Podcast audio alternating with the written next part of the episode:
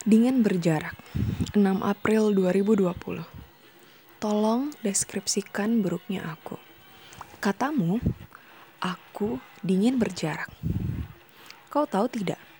Rasanya Jika orang yang sempat kau sayangi Berada di dekat orang yang kau nyatakan sebagai sahabat. Iya Sahabat di mana aku pernah makan bersama dengannya. Tinggal satu rumah selama satu tahun bersama memperjuangkan kelulusan belajar bersama.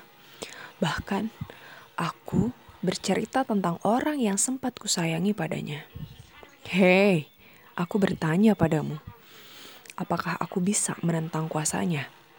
Oh, tentu saja. Hanya bersyukur yang aku bisa. Aku belajar. Aku tak boleh lengah.